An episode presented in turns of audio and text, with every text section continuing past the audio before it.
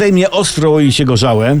Paweł Kukiz pytany jedno z nocnych posiedzeń Sejmu powiedział w wywiadzie prawie jak w rock'n'rollu, odór wódki, śmiechy, chichy, głupawa.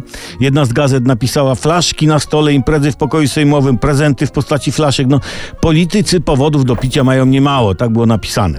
To prawda, posłowie piją, ale też trzeba ich zrozumieć.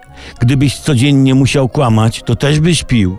Poza tym posłowie muszą pić od rana, bo po trzeźwemu z tymi piłusami w Sejmie nie idzie wytrzymać. I słuchajcie, to co się oficjalnie nazywa głosowaniem w Sejmie, to tak naprawdę jest picie wody. Tylko takie zakamuflowane. Posłowie nie mówią napijmy się, nie? Mówią dla niepoznaki, no to chlub ten głupi klub, nie? Na flaszkę mówią ustawa. I opowiadają, obaliliśmy kilka ustaw, ale co to jest na tyle luda, to wysłaliśmy konwent seniorów po jeszcze dalsze ustawy do komisji ustawodawczej. No, się działo, jak z Murszałek ogłosił białe głosowanie. Panie głosują na panów. Potem jeszcze poprawka na jedną rączkę, na drugą i w auto i do domu. Właśnie, do domu. Posłowie będą mieć w tym roku wyjątkowo długie wakacje, aż 53 dni wolnego.